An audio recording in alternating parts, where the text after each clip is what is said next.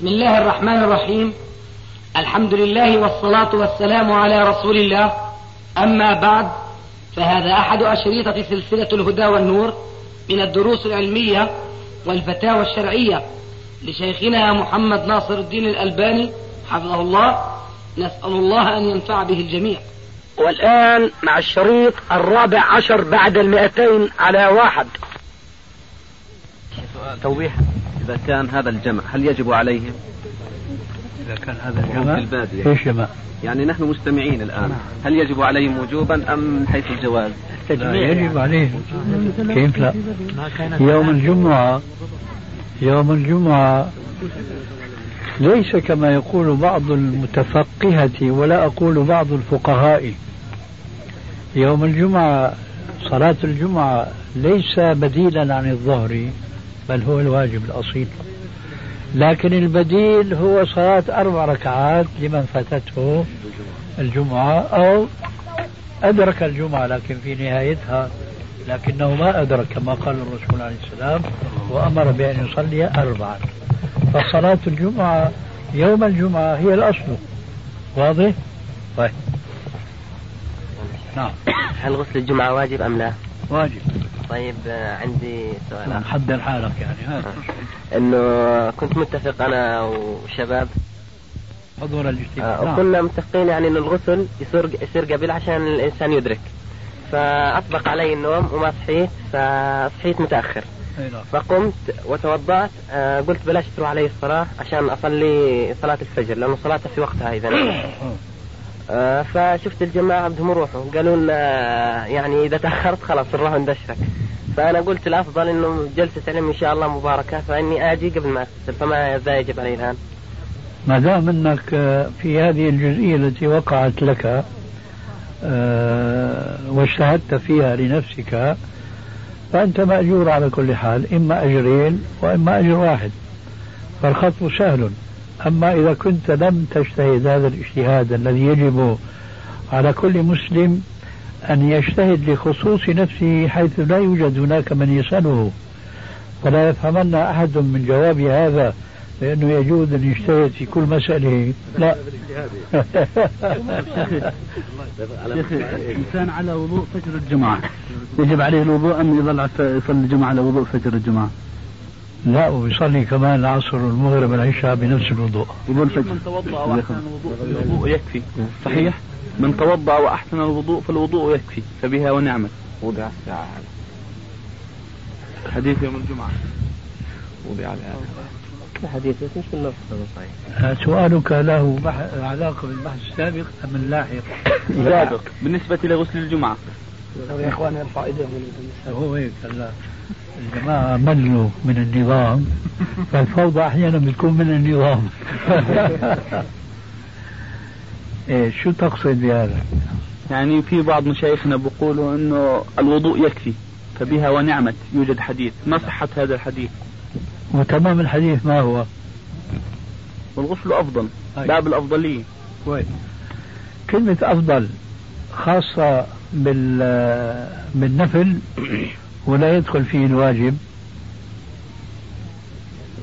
الواجب والنفل. يدخل به الواجب أيضا. لو ريت حالك بتجاوب بأقل جواب. شو كان سؤالي؟ أفضل يدخل فيه النفل فقط ولا والواجب أيضا؟ بتقول يدخل الواجب والنفل أو لا يدخل الواجب. ماذا تقول؟ أو ماذا تفهم؟ أو ماذا فهموك مشايخك الله يرضى عنهم؟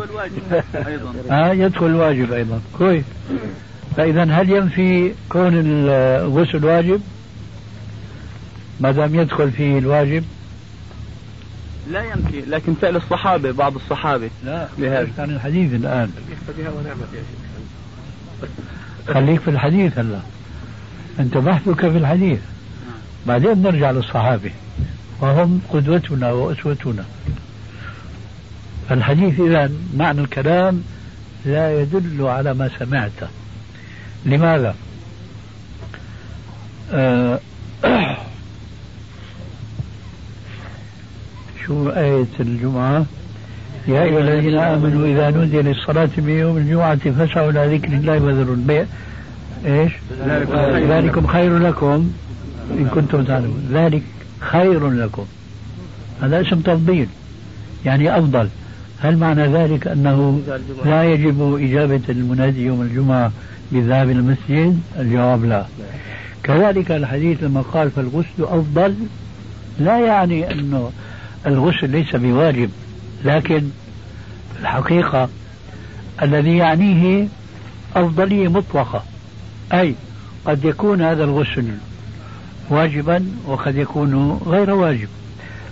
أريد أن أقول هذا الحديث لا يؤخذ منه الوجوب لا يؤخذ منه الوجوب لكن إذا كان هناك دليل يدل على الوجوب فلا يعارضه ويدخل فيه. واضح؟ طيب. لا لا أجيب المؤذن. الله أكبر الله أكبر.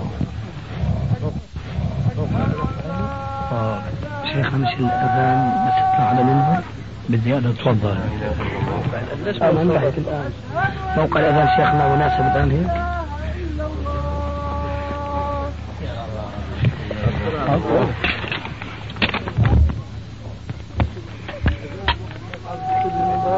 كيف؟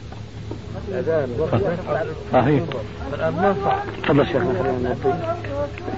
هذا صار يعني؟ نعم شيخنا شيخنا طب بالنسبة لل غلبت عليه العادة.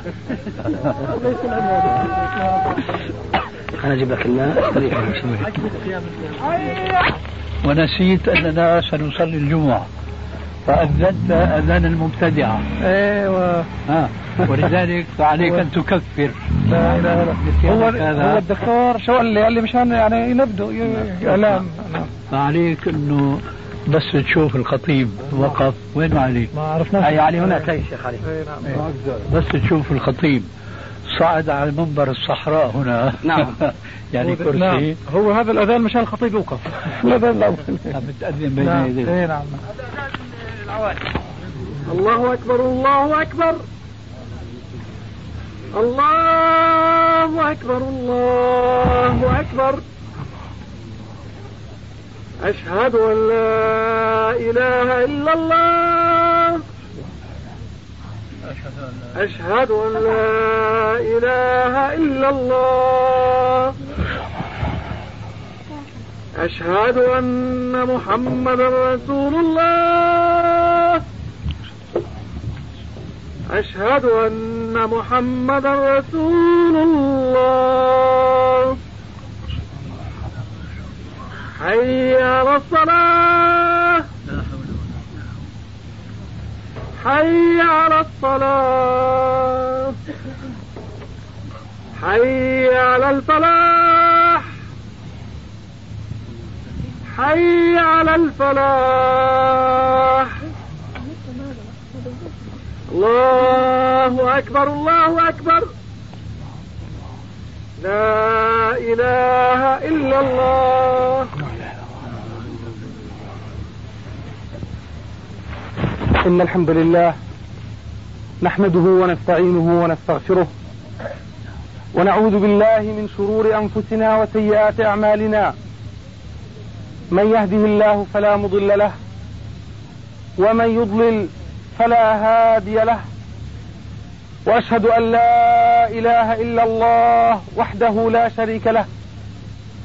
وأشهد أن محمدا عبده ورسوله. أما بعد فإن أصدق الحديث كتاب الله تعالى وخير الهدي هدي محمد صلى الله عليه وسلم وشر الأمور محدثاتها وكل محدثة بدعة وكل بدعة ضلالة وكل ضلالة في النار. أما بعد فإن الله تبارك وتعالى قد بعث نبيه وصفيه محمدا صلى الله عليه وسلم على فترة من الرسل. بعثه بالحق بشيرا ونذيرا وداعيا إلى الله بإذنه وسراجا منيرا. بعثه ليبين طريق الهداية ليتبعها المؤمنون وليكشف طريق الزور والضلالة والغواية ليبتعد عنها الصالحون المتقون. وإن المسلمين هذه الأيام بعد أن تقادم بهم العهد وتأخر فيهم الزمن فإننا لا نراهم لا يرفعون إلى الكتاب والسنة رأسا ولا ينتهجون نهج سلف هذه الأمة. إلا من رحمهم ربي وقليل ما هم. فالمسلمون قد يمموا وجوههم شطر عقولهم وشطر أهوائهم فنظروا فيما حولهم من مشاكل حياتية ومن مخلفات الحضارة الغربية فأرادوا أن يعالجوا هذه المشاكل وأرادوا أن يداووا هذه العلل. لكن لم يستطيعوا أن يضعوا أيديهم على العلاج الشافي والدواء الناجع. ولو أننا نظرنا في سنة الهادي محمد عليه الصلاة والسلام لرأينا أعظم هداية ولرأينا أنجح علاج. يقول النبي صلوات الله وسلامه عليه فيما رواه عنه ابن عمر رضي الله تعالى عنهما قال إذا تبايعتم بالعينة ورضيتم بالزرع وأخذتم أذناب البقر وتركتم الجهاد في سبيل الله سلط الله عليكم ذلا لا ينزعه عنكم حتى ترجعوا إلى دينكم. فهذا حديث على وجازة كلماته وعلى قصر عباراته إلا أنه حوى داء وحوى معه دواء. فعلينا نحن المسلمين الذين عرفنا سنة النبي عليه الصلاة والسلام وعرفنا أن فيها الفوز وفيها النجاة في الدنيا قبل الآخرة. علينا أن نكون من الداعين إلى الله تبارك وتعالى لنعلم أنفسنا ونعلم إخواننا ومن نعوله ومن يعولنا أن نعلمهم هذا الطريق الرشيد. وهذا المنهج القويم. ولكننا أيها الإخوة في الله نحن اليوم نعيش بين أناس مختلفي الأفكار مختلفي الآراء والنظرات والكل فيهم يقول نحن على الكتاب والسنة. الكل فيهم يقول القرآن دستورنا والرسول قدوتنا. فما هو الفيصل الذي علينا أن نعرفه ونعرض عليه أعمالنا وأعمال الآخرين. ما هو الميزان الذي نزن به عباراتنا وألفاظنا وكذلك عبارات الآخرين وألفاظهم؟ إن الميزان هو الذي أشار إليه رسول الإسلام عليه الصلاة والسلام بقوله خير الناس قرني ثم الذين يلونهم ثم الذين يلونهم. فهذه الخيرية أيها الإخوة لم تكن خيرية مادية ولم تكن خيرية دنيوية إنما كانت خيرية منبثقة من الفهم الذي آتاهم الله سبحانه وتعالى إياه فكانوا يفهمون عن رسول الله صلى الله عليه وسلم سنته وكانوا يعرفون عنه صلوات الله وسلامه سيرته وكلماته وأفعاله. علينا أن نطبق هذا الميزان فيما بيننا وبين أنفسنا فيما بيننا وبين إخواننا من المؤالفين والمخالفين. إن الميزان هو ما طبق به أسلافنا الصالحون دين ربهم من كتاب ومن سنة. فبهذا نعرف من صدق في دعواه ممن قد خالف نفسه وممن قد خالف كتاب ربه واتبع هواه. بغير هذا الميزان نبقى متخبطين. لا نعرف للحق موضعا ولا نرفع للدين رأسا. والله تبارك وتعالى يأمرنا بطاعة النبي عليه الصلاة والسلام وبطاعة من أمرنا بطاعته من أسلافنا الصالحين. أبي بكر وعمر ومن سار على نهجهما من أئمة الصحابة والتابعين وتابعيهم ففيهم الخير كل الخير وفيهم القدوة كل القدوة وأستغفر الله تبارك وتعالى لي ولكم.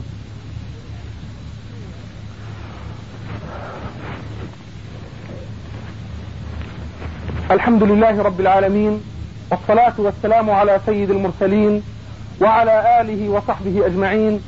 أما بعد فإن هذا الميزان الذي قد تكلمنا فيه وأشرنا إليه هو ميزان به تعرف حقائق الأمور ومن خلاله توزن الدعاوى وتعرف الكلمات. ونبينا صلوات الله وسلامه عليه قد ذكر في غير ما حديث مشيرا إلى هذا الميزان. أشهرها الحديث الأول الذي ذكرناه وفيه ذكر الخيرية. وكذلك أحاديث أخرى كثيرة بين لنا نبي الله صلوات الله وسلامه عليه. منها عليكم بسنتي وسنة الخلفاء الراشدين. منها اقتدوا بالذين من بعدي. منها عليكم بهدي ابن مسعود. عليكم بهدي عمار. منها إذا أتاكم ابن أم عبد فصدقوه. وهكذا. هذه الأحاديث أيها الإخوة كلها لم ترد لمجرد ورود أو لمجرد فضيلة شخص بعينه ولكن فيها الإشارة إلى الفهم الذي قد قال به الإمام علي رضي الله تبارك وتعالى عنه عندما سأله الصحابة أو بعض الصحابة أخصك رسول الله عليه الصلاة والسلام بشيء؟ فماذا كان جوابه؟ كان جوابه لم يخصنا رسول الله صلى الله عليه وسلم بشيء إلا ما في هذه الصحيفة وفهما يؤتاه العبد في كتاب الله. فهذا الفهم ليس هو الفهم الذي تمليه عليه العقول علينا العقول والأهواء ولا النظريات والآراء إنما هو الفهم الموزون بكتاب الله وسنة رسول الله عليه الصلاة والسلام. فهم سلف الأمة للوحيين الشريفين اللذين قال فيهما رسول الإسلام عليه الصلاة والسلام ألا إني أوتيت القرآن ومثله معه؟ ويقول عليه الصلاة والسلام تركتكم على مثل البيضاء نقية. ليلها كنهارها لا يزيغ عنها إلا هالك. وهذه البيضاء النقية الصافية الرشيدة هي التي أشار إليها نبينا الأعظم صلى الله عليه وسلم بقوله تركت فيكم أمرين ما إن تمسكتم بهما لن تضلوا بعدي أبدا. كتاب الله وسنتي. فنسأل الله العظيم رب العرش العظيم أن يوفقنا وإياكم لأن نكون لكتاب الله متبعين ولرسوله صلى الله عليه وسلم طائعين ولفهم أسلافه الصالحين داعين إنه سميع مجيب وأقم الصلاة. الله أكبر الله أكبر. نذكر إخواننا الحاضرين بخطأ يقع من المصلين ولا أقول من المسلمين بل من خاصة المسلمين ألا وهم المصلون. ومما يؤسف له أن هذا الخطأ عام في كل المساجد في كل البلاد الإسلامية التي عرفتها أو حللت بها. ولا وألا وهو هذا خطأ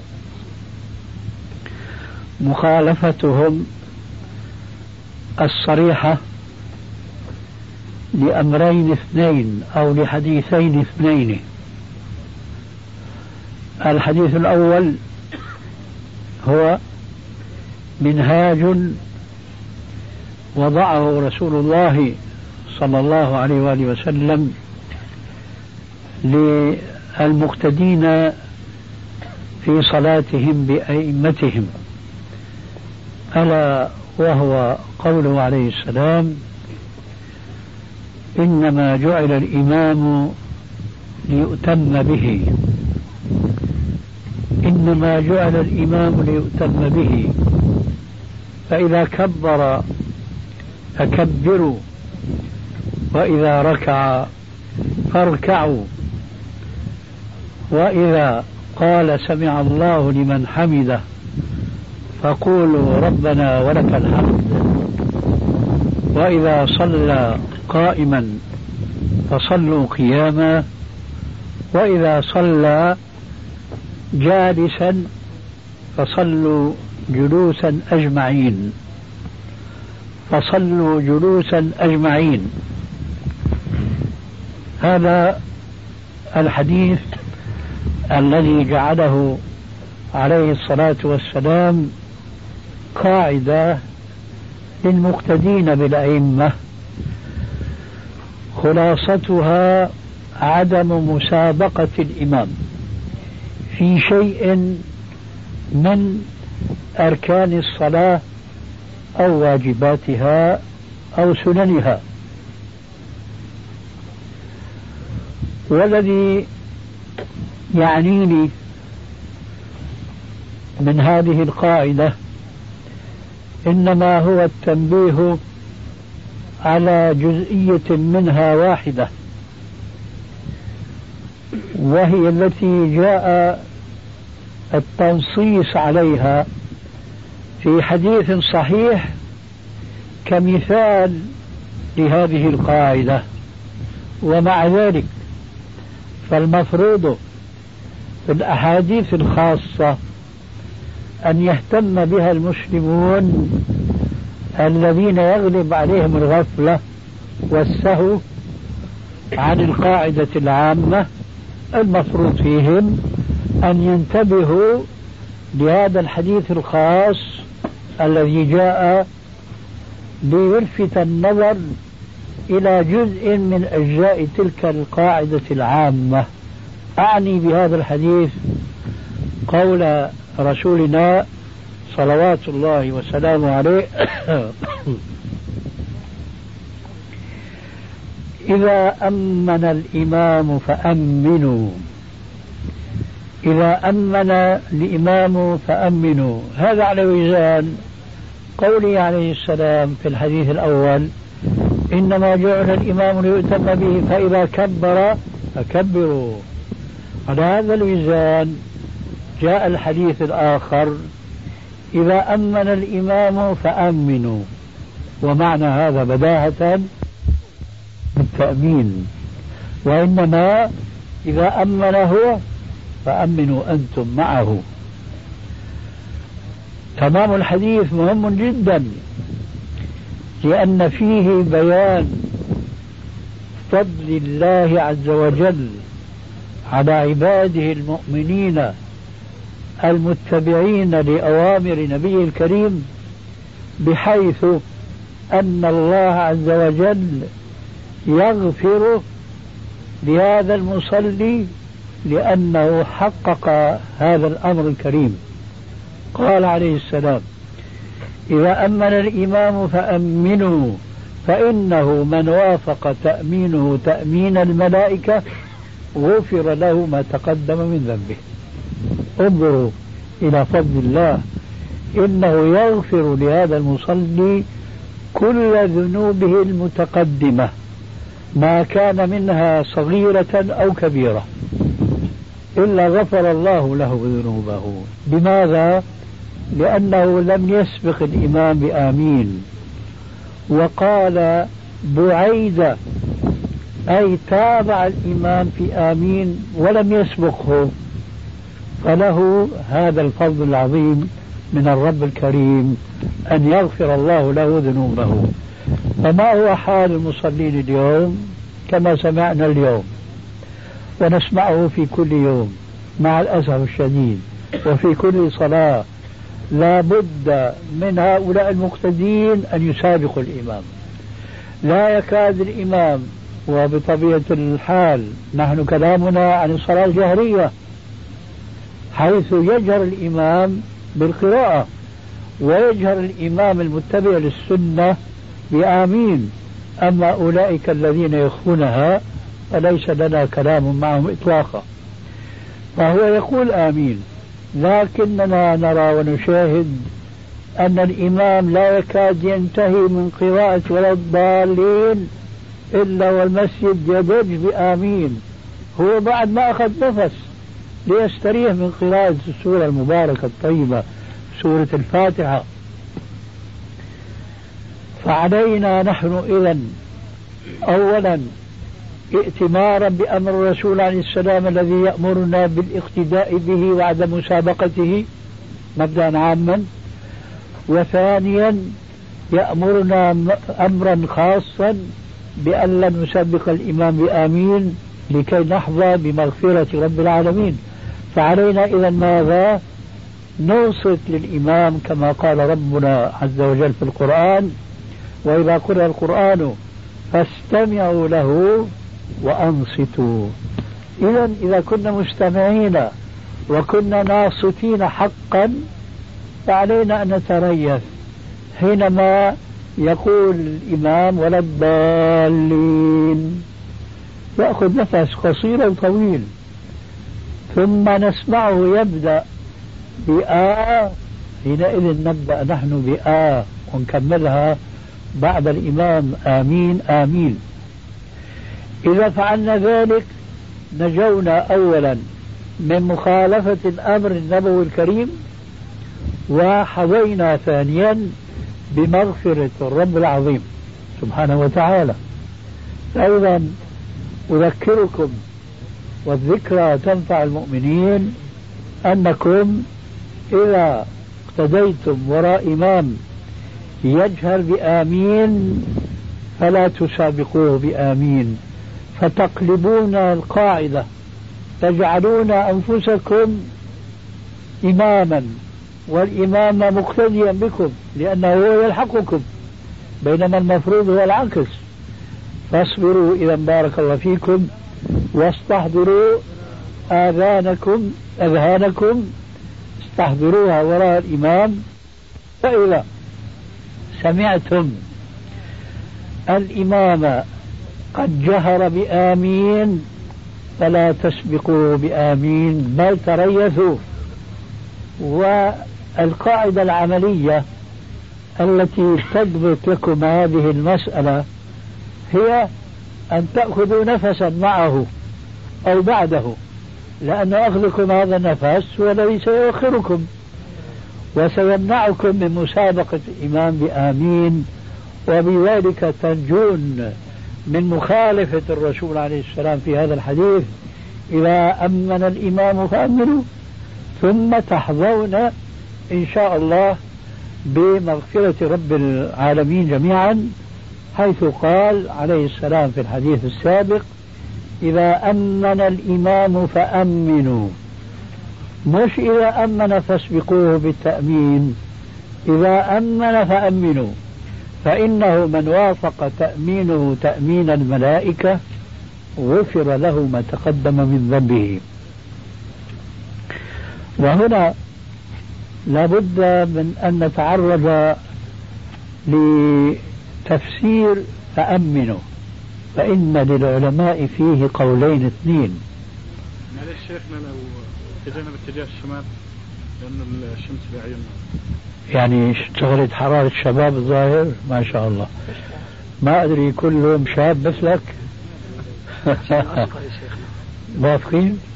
تصير الشمس بعين الشيخ. لا معلش أنا بس أنا بالصبر هناك. تفضلوا. خذوا راحتكم. إذا مرتاحين هيك تنتقل انت كمان. معليش شيخنا والله أنا مع الجماعة يا شيخ. يد الله مع الجماعة. بس الجماعة للحق معهم. مش منحرفين عن الجماعة. ها؟ سقط الاقتراح. والله ما إلا الخير يا شيخ. جزاك الله خير. أنا ما أتكلم عن قصدك أتكلم عن لفظك. كالعادة يعني. آه، آه، للعلماء في تفسير قوله عليه السلام في هذا الحديث الصحيح وهو متفق عليه بين الشيخين. يعني رواه البخاري ومسلم في صحيحيهما. قالوا في تفسير قوله عليه السلام إذا أمن فأمنوا قولين. إذا أمن أي انتهى من التأمين بمعنى توضيحي سمعتم سكون النون في آمين. إذا انتهى الإمام من قول آمين آه آه للعلماء في تفسير قوله عليه السلام في هذا الحديث الصحيح وهو متفق عليه بين الشيخين. يعني رواه البخاري ومسلم في صحيحيهما. قالوا في تفسير قوله عليه السلام إذا أمن فأمنوا قولين. إذا أمن أي انتهى من التأمين. بمعنى توضيحي سمعتم سكون النون في آمين. إذا انتهى الإمام من قول آمين فابدأوا أنتم بقولكم آمين. القول الثاني وهو الذي ترجح لدي أخيرا أن المعنى إذا شرع. إذا شرع الإمام بآمين فاشرعوا أنتم بآمين. وأنتم ترون على كل من التفسيرين أننا نخالف التفسيرين على طول الخط وبخاصة القول الأول. القول الأول طويل بال شوي أكثر منا. نحن نقول إذا صبرت شوي بمعنى سمعتم قول الإمام آ ألف آمين. قولوا أنتم بعده آمين لأنه في هذه الحالة ما سابقتموه لكن القول الأول إذا فرغ من آمين أي بدها ضبط نفس أكثر كما ترون. وأنا أرى أن هذا القول الأول إذا تبنيناه مبدئيا لقطع دابر. هذه المسابقة التي ابتلي بها جماهير المصلين يكون أولى ابتداء أما انتهاء فلا نتأخر عن الإمام. مجرد ما نسمعه يقول آه نقول نحن بعده آه ونكمل. آمين كما قال هو تماما. هذه كما قلنا في أول الكلمة هذه من باب وذكر فإن الذكرى تنفع المؤمنين. وأقول كما قال عليه السلام في كثير من خطبه فليبلغ الشاهد الغائب فليبلغ الشاهد الغائب. مش أنا بولي من هون وكل واحد منكم بينصرف لدار وعمله إلى آخره. وما دخل في ذهننا شيء. ونصلي في بعض المساجد ونسمع هذه المخالفة التي فيها.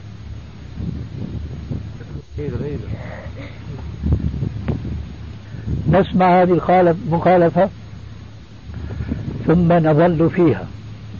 هذا أول شيء. ثاني شيء لا نبلغ الناس ولا نحذرهم منها. والرسول عليه السلام كان يقول بلغوا عني ولو آية. وحدثوا عن بني إسرائيل ولا حرج. ومن كذب علي متعمدا فليتبوأ مقعده من النار. والشاهد من هذا الحديث قوله بلغوا عني ولو آية. ليس المقصود بالآية هنا المعنى العرفي العام أي آية من القرآن. لا. لأن أصل الآية أصل معنى الآية في اللغة العربية هي الجملة. هي الجملة الكاملة. فهنا الرسول عليه السلام في هذا الحديث يأمر كل مسلم بلغته آية أي جملة من أحاديث الرسول عليه الصلاة والسلام أن يبلغها للناس. وبذلك ينتشر العلم الصحيح لأن العلم كما تعلمون من قول ابن القيم رحمه الله من كبار أهل العلم السلفيين الذين يقتدون بالسلف الصالح عقيدة وفقها وسلوكا كان يقول ابن القيم رحمه الله العلم قال الله قال رسوله قال الصحابة ليس بالتمويه ما العلم نسبك للخلاف سفاهة بين الرسول وبين رأي فقيه كلا ولا جحد الصفات ونفيها حذرا من التعطيل والتشبيه. فالعلم قال الله قال رسول الله في المرتبة الثالثة والأخيرة قال الصحابة لأنهم هم الذين نقلوا إلينا ما قال الله على لسان نبيه وما قاله عليه الصلاة والسلام بلفظه من أحاديثه هم الأمنة هم الذين نقلوا إلينا هذه الشريعة بكتابها وسنة نبيها. ولذلك فيجب أن نهتم ليس بنقل قيل وقال وإنما بقال الله وقال رسول الله بلغوا عني ولو آية. إذا خلاصة هذه الكلمة خلاصتها في جملتين موجزتين. الأولى تخصكم أيها المصلون ألا تسابقوا الإمام بآمين فتخالفوا الرسول الكريم في أمره. إذا أمن الإمام فأمنوا. الجملة الثانية والأخيرة أنكم تبلغون الناس من ورائكم هذا الحديث وتوضحونه لهم على نحو ما سمعتم. على نحو ما سمعتم. ما هو هذا الحديث؟ نعيده مرارا وتكرارا لأن من سنته عليه الصلاة والسلام أنه كما جاء في صحيح البخاري كان يكرر الكلمة ثلاثا حتى تعقل عنه حتى تعقل عنه أي تفهم عنه. فالرسول صلوات الله وسلامه عليه يقول إذا أمن الإمام فأمنوا فإنه من وافق تأمينه تأمين الملائكة غفر له ما تقدم من ذنبه. وهذه ذكرى والذكرى تنفع المؤمنين. أهلا وسهلا. وأهلا بالضيوف الكرام. كيف حالكم؟ عساكم بخير. الله يبارك فيك. ما إذا قال الإمام غير المغضوب عليهم ولا الضالين آمين فالمقتدون يسبقونه بآمين. هذا كان الدرس اليوم. جزاك الله خير. إذا سباق إلى الخيرات إن شاء الله. أهلا. يسأل السائل. نعم.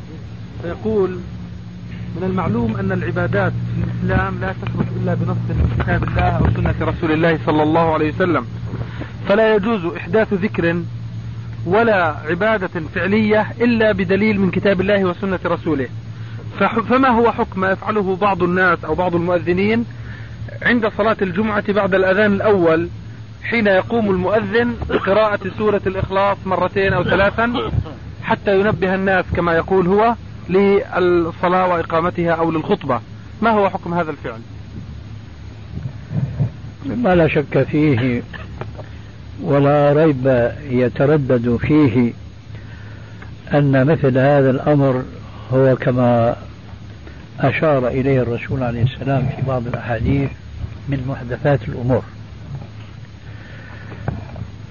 لا شك أن الأمر إنما كان في عهد النبي صلى الله عليه وسلم في يوم الجمعة وفي كل الصلوات الخمس في سائر أيام الأسبوع. لم يكن هناك سوى الأذان والإقامة. لم يكن هناك شيء يتقدم الأذان أو يتأخر عن الإقامة آه عن الإذان. كما أنه لم يكن هناك شيء يتقدم الإقامة أو يتأخر عن الإقامة من المؤذن والمقيم. وإذ الأمر كذلك فيجب أن نستحضر ما كان نبينا صلوات الله وسلامه عليه يخطب في الصحابة كل جمعة. يبتدئ خطبة الجمعة بقوله إن الحمد لله نحمده ونستعينه ونستغفره ونعوذ بالله من شرور أنفسنا ومن سيئات أعمالنا. من يهده الله فلا مضل له ومن يضلل فلا هادي له. وأشهد أن لا إله إلا الله وحده لا شريك له وأشهد أن محمدا عبده ورسوله. ويقول في خطبة الجمعة أما بعد فإن خير الكلام كلام الله وخير الهدي هدي محمد صلى الله عليه وآله وسلم وشر الأمور محدثاتها وكل محدثة بدعة وكل بدعة ضلالة. زاد في حديث أو في رواية للنسائي وكل ضلالة في النار.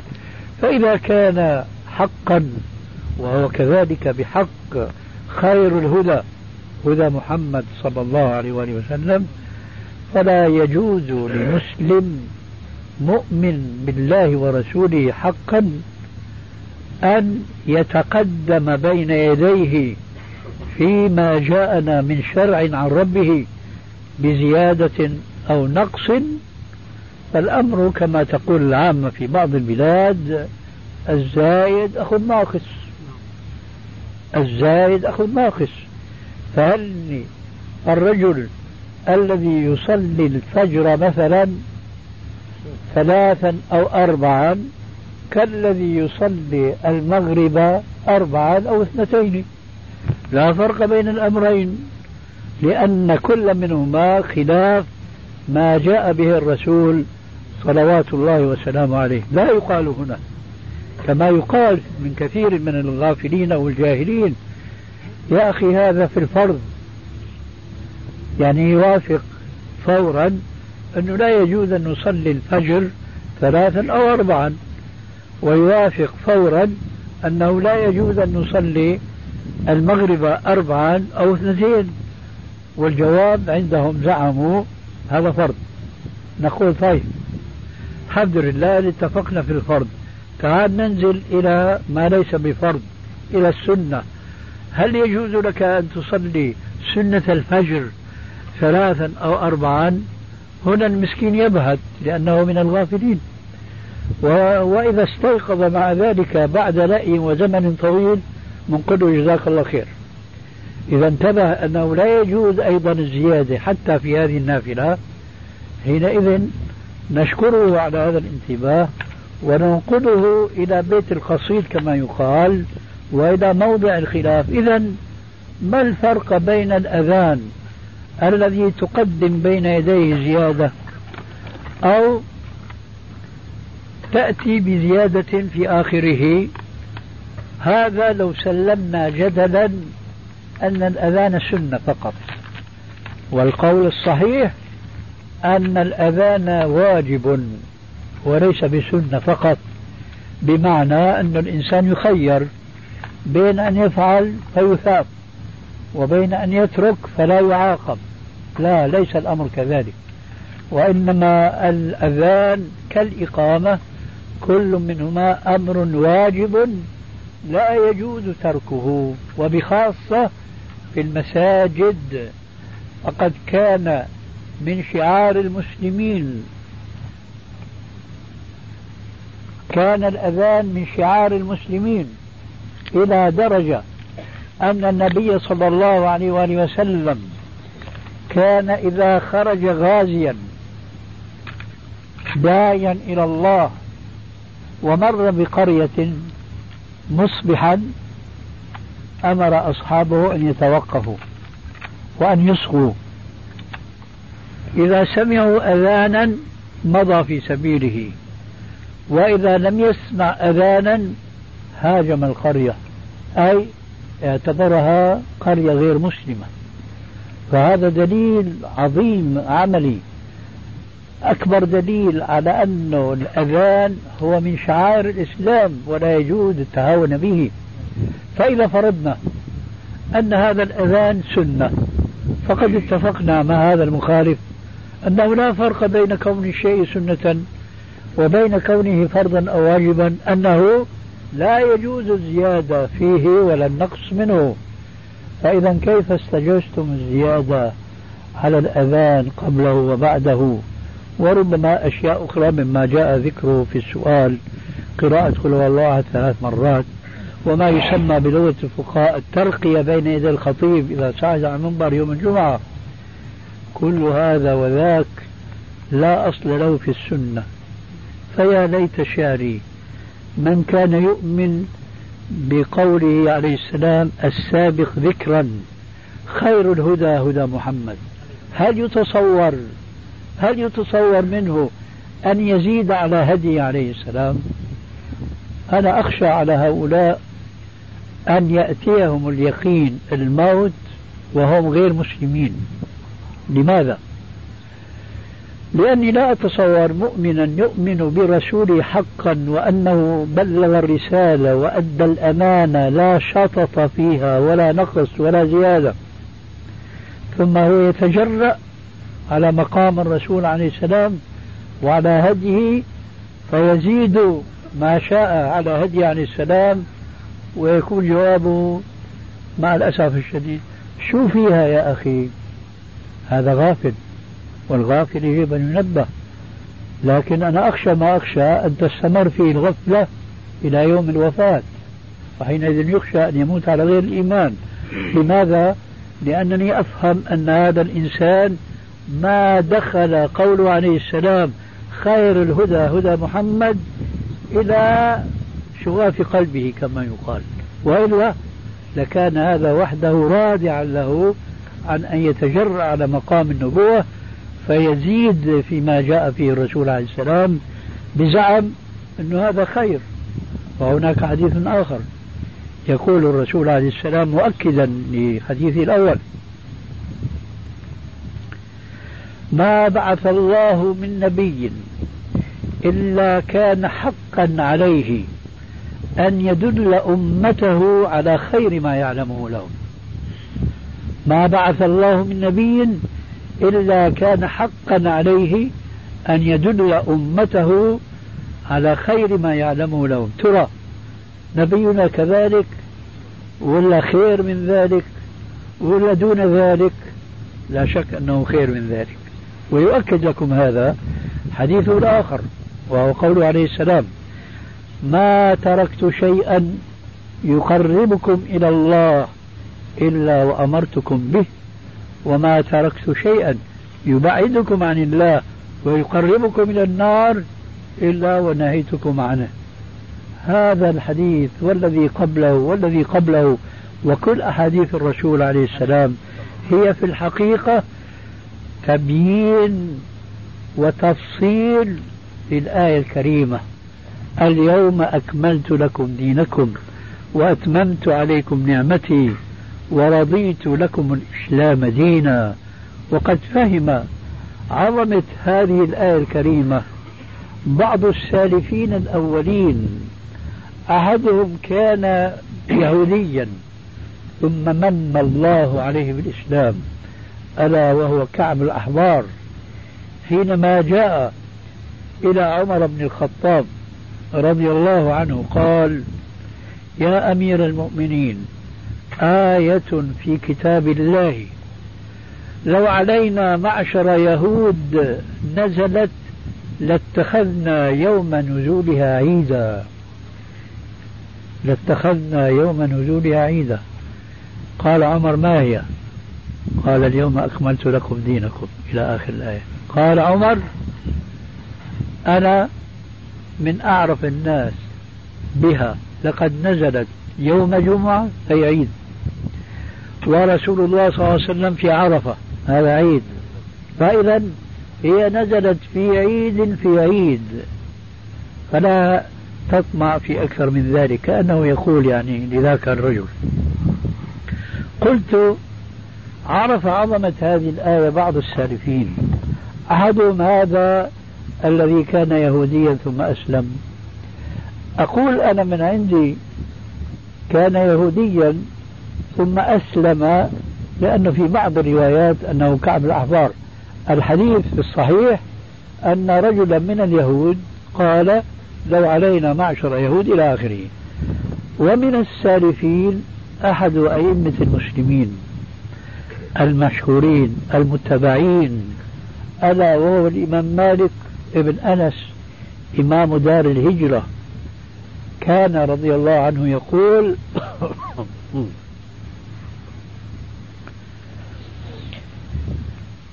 له كلمة كما يقال تكتب بماء الذهب وهي من ابتدع بدعة من ابتدع بدعة يراها حسنة فقد زعم أن رسول الله صلى الله عليه وسلم خان رسالة.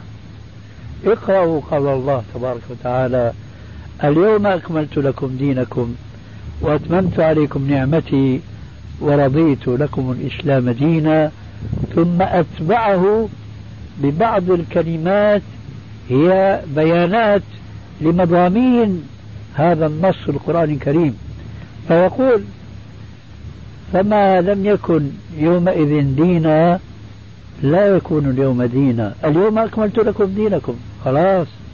ما بقى في شيء جديد. فما لم يكن يومئذ دينا لا يكون اليوم دينا.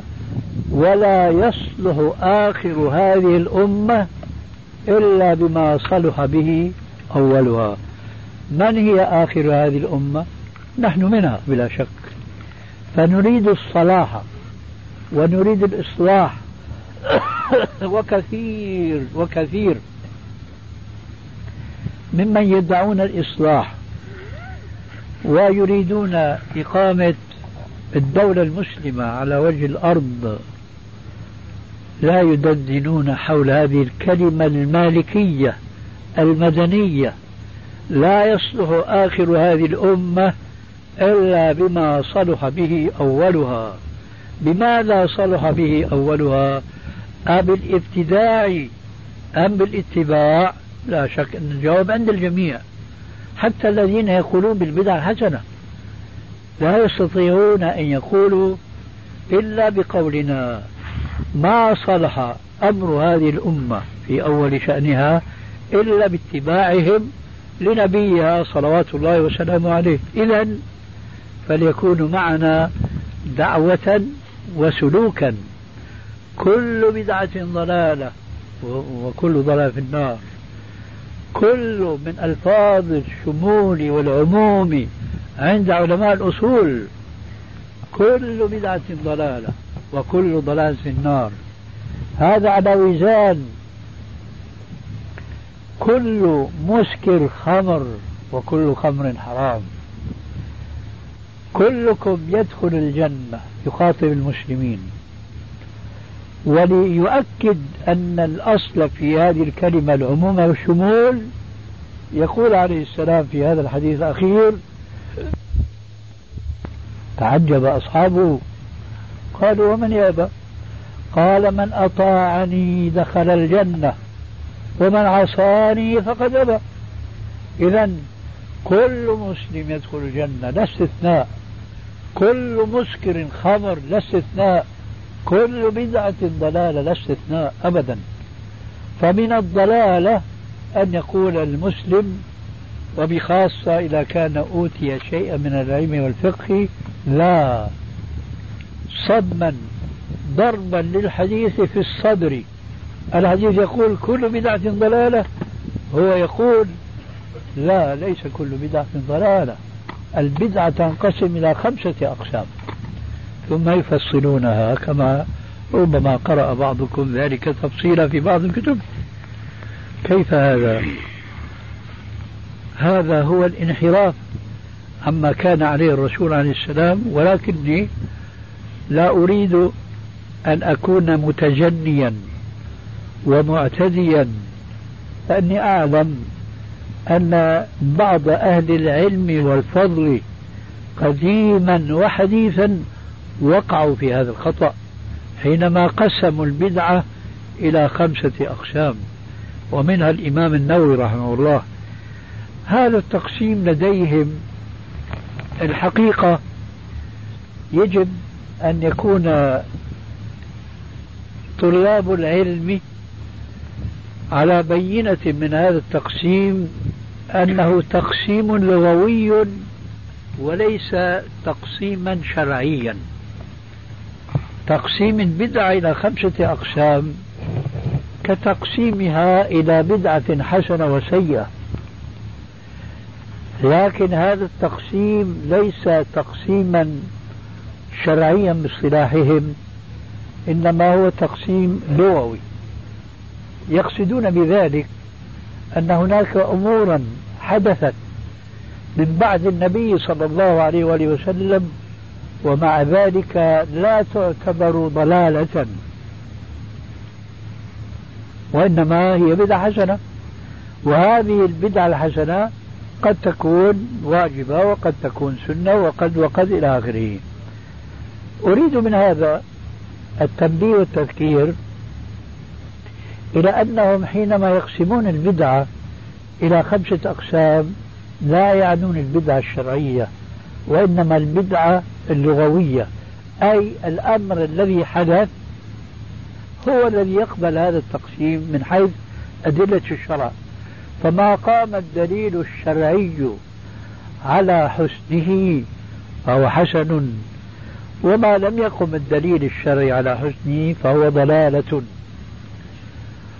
لعل ضرب الأمثلة هي التي توضح مثل هذه القضية. كلنا يعلم أن عمر بن الخطاب رضي الله عنه أخرج اليهود من خيبر. لا شك أن هذا الإخراج كان بعد وفاة الرسول بزمان. لأنه كان في خلافة عمر الخطاب. فهذا الإخراج من حيث التعبير اللغوي بدعة. يعني شيء حدث لم يكن من قبل.